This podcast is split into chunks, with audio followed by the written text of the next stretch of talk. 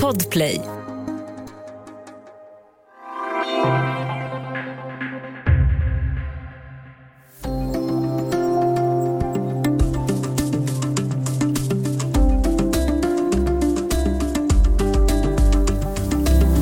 Vi har levt ett helt år med pandemin.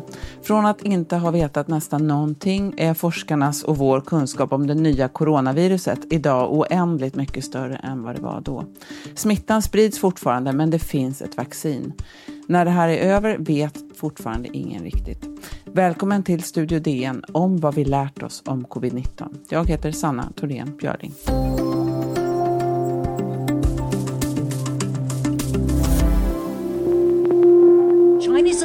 Authorities have traced a new deadly virus back to this seafood market in the city of Wuhan, sparking concern that the virus might have been transmitted from animals to humans. One by one, passengers step through a thermometer check to make sure they are not bringing a fever with them. Trying to contain a city um, of 11 million people um, is new to, uh, to science. Ja, och nu har nästan två och en halv miljoner människor dött.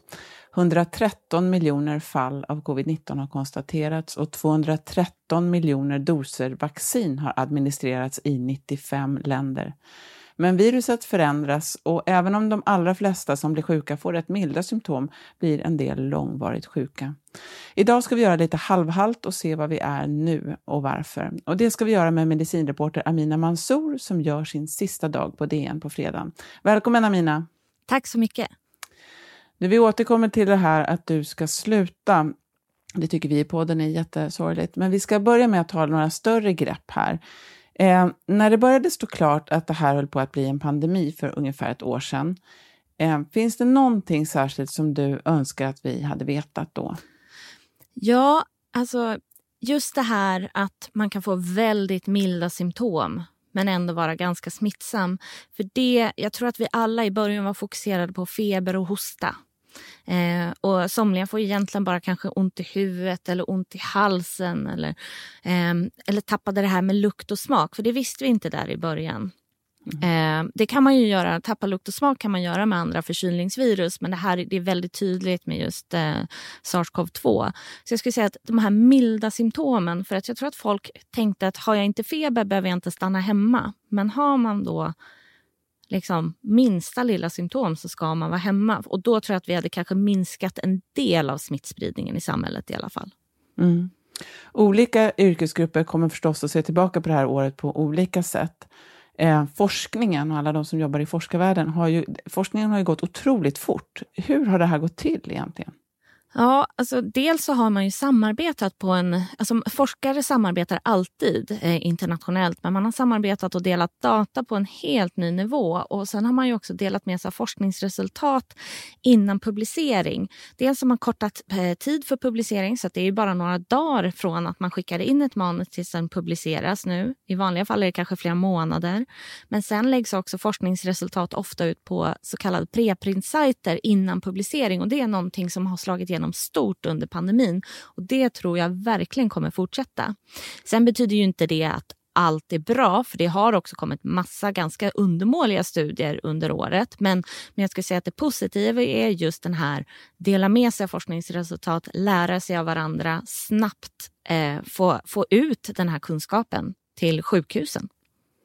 Det har, vi har ju sedan ett helt år tillbaka talat väldigt mycket om olika metoder, olika strategier. De nordiska länderna har ju jämförts väldigt mycket. Det är lätt eh, att glömma faktiskt hur det lät i början. Vi har väldigt mycket kontakter med våra grannländer. Eh, de nordiska länderna vi stämmer av varje vecka eh, och har landat i att vi hanterar eh, diverse olika frågor på i stort sett identiskt samma sätt. Det här var alltså statsepidemiolog Anders Tegnell vid den första presskonferensen som DN sände. Det var den 26 februari förra året. Kan man idag säga vilka komponenter som utgör en bra strategi? Eh, jättebra fråga. Jag skulle säga att, att testa mycket verkar vara bra, men det har inte till exempel behövts i Japan som har klarat sig lite bättre. Att vara en önation och stänga gränserna verkar funka väldigt bra i Taiwan och eh, Nya Zeeland, men det är ju inte möjligt för oss andra som inte är en önation. Eh, sen skulle jag säga att har man låg smitta eh, inte särskilt mycket smittspridning och fokuserar på att testa mycket eh, spå, smittspåra och isolera, då verkar det bra. Men det funkar inte när smittspridningen ökar väldigt mycket. Så att jag skulle säga att det finns strategier som funkar jättebra för vissa länder men inte alls har funkat för andra. Eh, det man däremot behöver tänka på att göra är nog just det här att kan man skydda riskgrupper och äldreboenden har visats vara en extremt sårbar eh, institution i samhället och inte bara i Sverige utan i övriga i, hela världen skulle jag säga. Så lyckas man skydda äldreboenden och den typen, då har man nog ganska mycket vunnet. Men det finns alltid bra saker och dåliga saker som alla länder har gjort skulle jag säga. Men, men testa mycket verkar vara en del av en, en bra strategi. Ja, precis som du säger, den här debatten om vad som är rätt och fel, den pågår ju över hela världen. Eh, om man tittar på Sverige då, eh, det är roligt där att Anders Tegnell säger att eh, allting i Norden görs på exakt samma sätt. Det här har ju debatterats, eh, eller kommit att verkligen jämföras. Men i backspegeln, om man tittar just på Sverige, vad tror du att Sverige just hade kunnat göra bättre, eh, eller i alla fall annorlunda, än för ett år sedan? Eh, att man, man var lite långsam med en viss, vissa åtgärder och jag tror att man trodde på att det här viruset kanske inte hade de här milda symptomen som var så otroligt milda.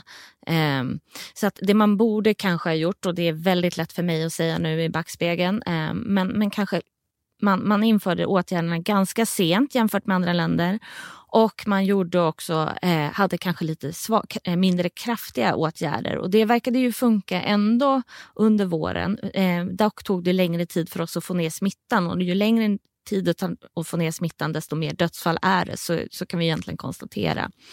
Sen skulle jag nog säga att en annan sak man verkligen borde ha gjort är att eh, tittat på äldreboenden. Jag är inte säker på vad man kunde ha gjort annorlunda. Ehm, men, men det fanns nog uppenbarligen mycket att jobba med där och då liksom just den här kanske att även timanställda hade eh, möjligheten till sjuklön.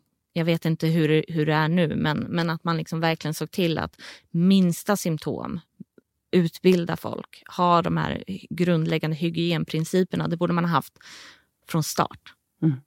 Om man ställer samma fråga, men om man tittar på hösten, finns det något som Sverige borde ha gjort i höstas när smittan liksom sakta men säkert började stiga långsamt igen? Jag skulle säga att även där var ju ett problem att åtgärderna kanske kom lite för sent. Eh, man väntade kanske lite för länge för man hoppades på en del av åtgärderna att de skulle slå igenom. Och det, på ett sätt är det ju bra för man vill, kanske, man vill inte göra för mycket heller samtidigt för det finns en trötthet i befolkningen. Och det finns också, vi har inte sett den här uppror, eh, upproren som har funnits i en del andra länder, i Nederländerna till exempel, mot restriktionerna de har vi ju inte haft här i Sverige, så vi har haft en större acceptans. Men jag tror att man kanske borde haft lite starkare åtgärder lite tidigare. Mm. Vi var inne på det lite grann, om man kan jämföra olika länder eller inte. Eh, när tycker du att det är rimligt att jämföra strategier eller delar av strategier och när är det eh, inte eh, intressant? Alltså, det, är ju, det, man, det man måste titta på är var befinner de sig i smittspridningskurvan. För gör de, alltså, Sverige ligger några veckor efter alla vilket gjorde att eh, under hösten där i september så hade ju eh, den andra vågen verkligen dragit in över Europa och stora delar av Europa. Men Sverige hade fortfarande inte. Och då blev det ett jättestort intresse från utländska medier. Så jag pratade med några och då påpekade jag flera gånger att Eh, vi kanske bara är några veckor senare. Det här är inte över. Men de, alltså det är liksom, man måste titta på när i smittspridningskurvan är man. Eh, jag tror att vi kanske kan börja jämföra snart. Vi har ju fått siffror för överdödlighet. Eh, så att vi kan ju åtminstone se att liksom, om man ser till den normala dödligheten och sen då hur mycket mer den har varit så kan vi se under året. Eh, men det beror ju lite på vad som händer nu. Men så kanske till sommaren kanske det blir lite lättare för då har ju en stor andel vaccinerats i många länder. Mm. Och det är ju det här med vågor, det är ju lite grann en det är en bild som ibland leder, leder lite fel, för det låter ju som att det kommer en våg någonstans ifrån, men i själva verket är det väl bara så att vi slappnar av lite och så ökar smittspridningen igen.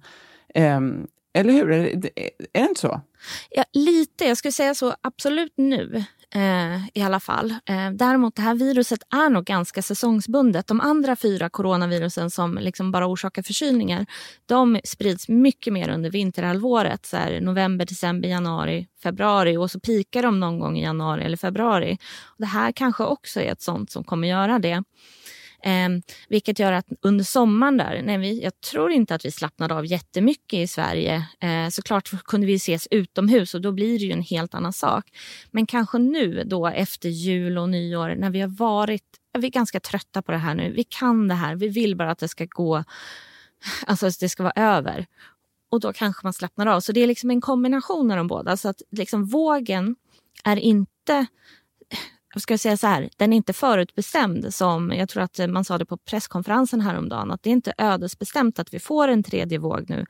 Men slappnar vi av och liksom beter oss på det sättet. Eh, och sen har vi de här virusvarianterna då som också kan påverka hur eh, vågorna mm. kommer se ut. Varför tror du att det dröjde innan Folkhälsomyndigheten tog den här risken för en andra våg i höstas på allvar? För att det var ju väldigt mycket som talade för att vi skulle få den om vi inte tajtade till. Eh, jag tror att man faktiskt trodde att vi hade en eh, mer utbredd immunitet som kunde skydda Eh, och det, det här med andra vågen, det är ju ganska intressant för det var väldigt eh, stor, vad ska man säga, stor konsensus kring de flesta forskare att vi kommer inte få en andra våg. Så jag tror, jag tror att man kanske också hade lite magiskt tänkande eller väntade och hoppades på att restriktionerna ändå skulle funka för man skärpte dem ju gradvis men de kanske borde ha skärpts nationellt snabbt. Mm. Nu finns det i alla fall ett vaccin. Vi ska strax prata mera om detta.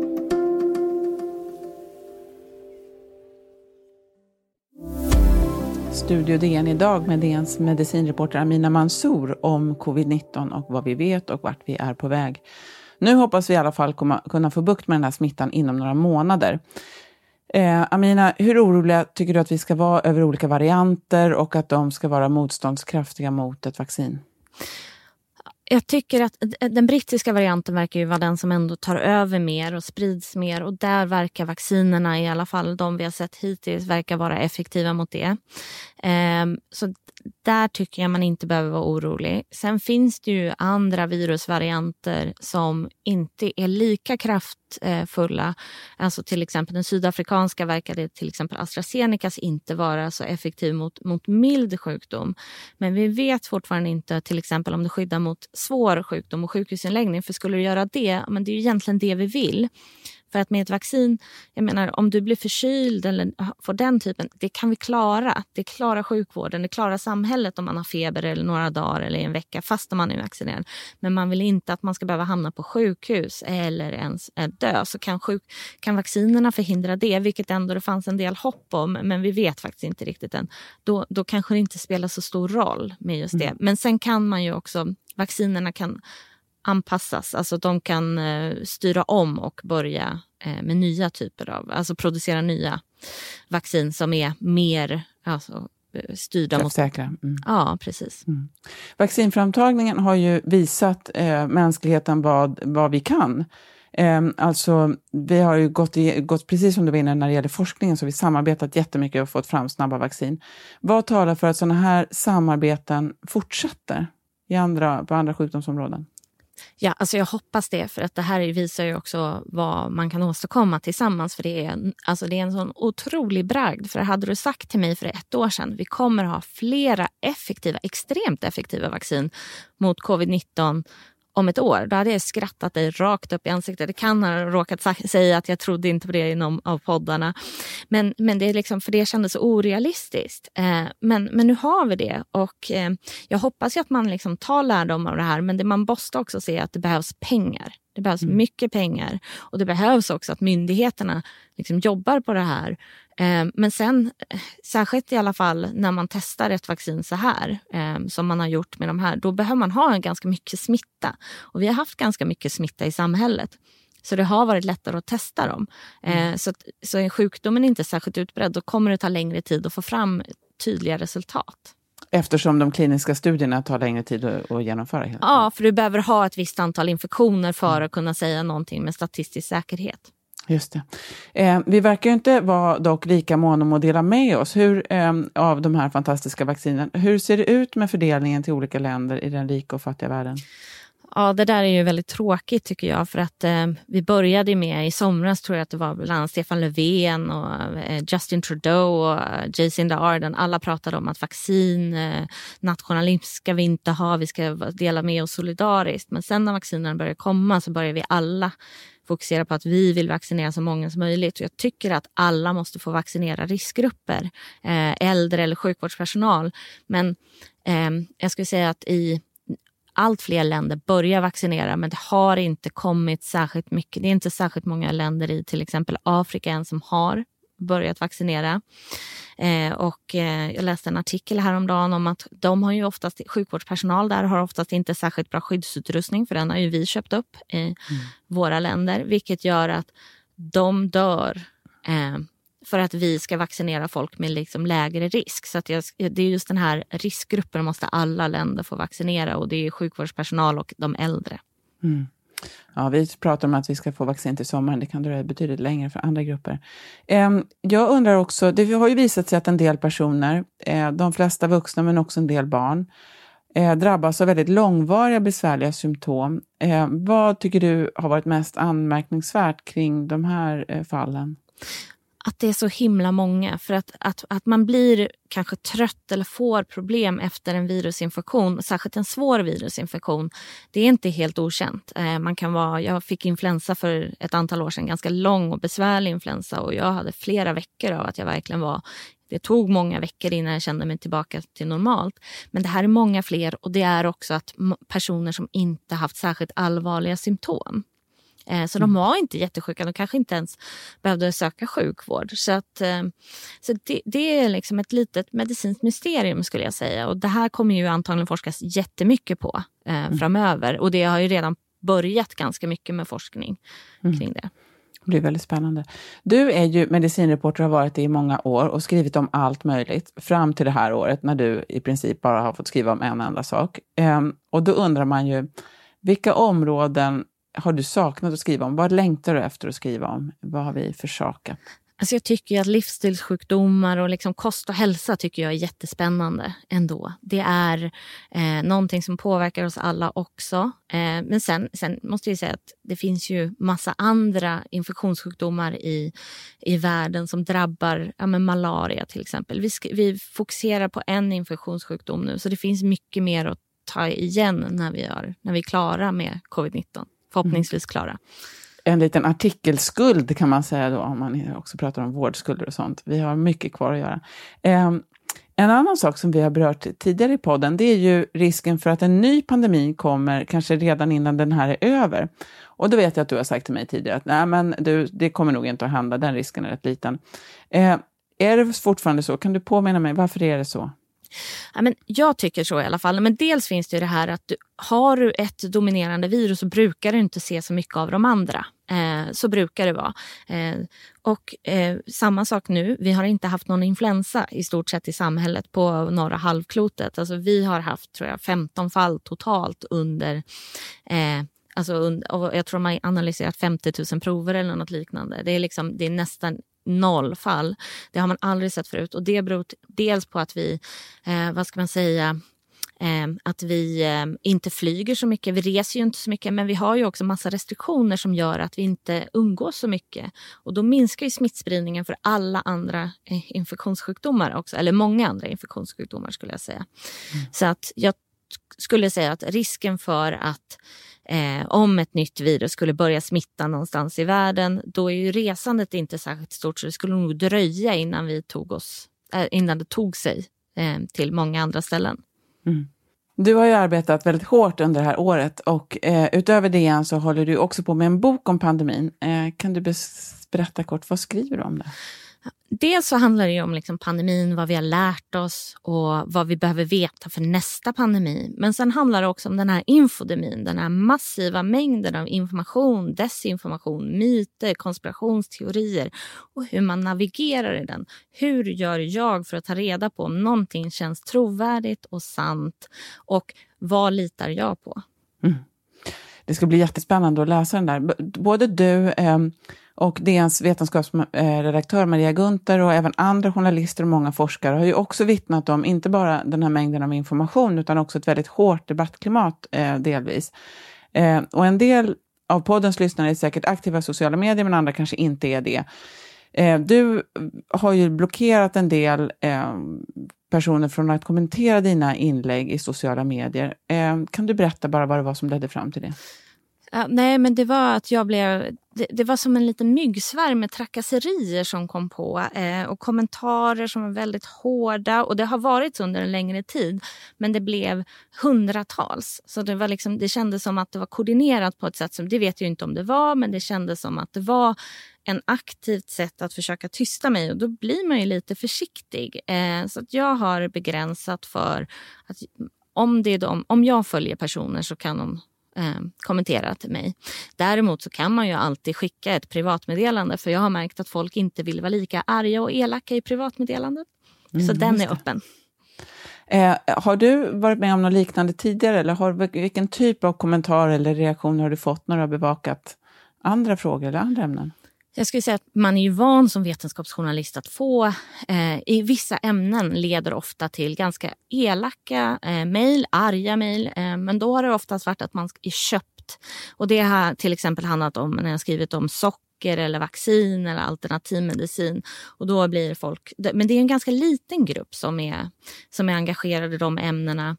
Nu är det ju hela befolkningen så att det har liksom varit en stridström. Det kanske varit någon gång tidigare, kanske varit en, två, max tre gånger om året man har fått den här typen av påhopp. Och det kan vara ganska aggressiva då. Men nu har det liksom varit den här svepande mot en som person, att jag är dålig som journalist, att jag är köpt av, eller att jag inte köpt, men att jag är, sitter i Folkhälsomyndighetens knä eller något liknande. Mm.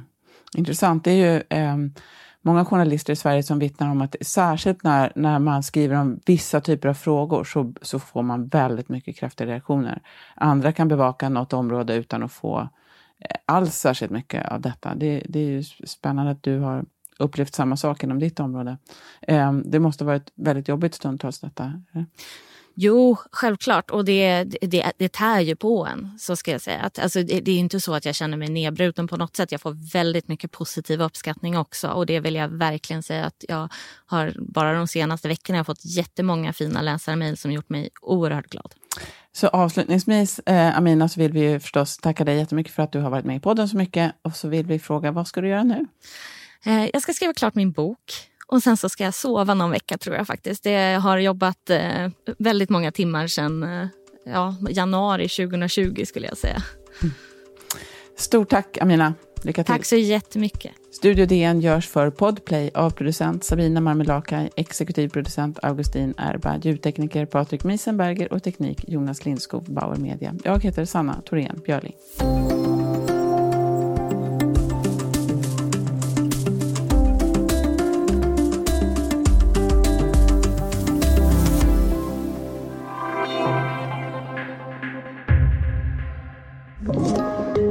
Podplay.